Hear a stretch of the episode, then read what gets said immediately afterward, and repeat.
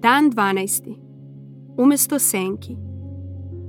Glavno u ovome što je rečeno jeste da imamo takvog prvosveštenika koji je seo s desna prestolu veličanstva na nebesima, koji služi u svetilištu u pravom šatoru koji je podigao gospod, a ne čovek. Jevrejima 8, 1 do 2.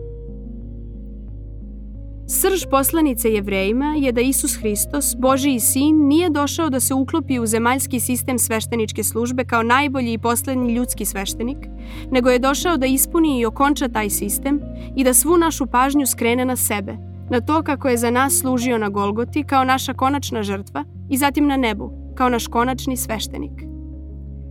Starozavetni šator, sveštenici i žrtve zapravo su bili senke, a sada je došla stvarnost i senke su nestale – Evo jedne adventne ilustracije za decu i za one među nama koji se sećaju kako je biti dete.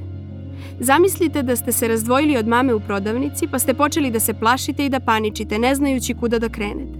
Skrenuli ste iza jednog rafa i baš kada ste hteli da zaplačete ugledali ste na kraju rafa senku na podu, senku koja izgleda baš kao vaša mama.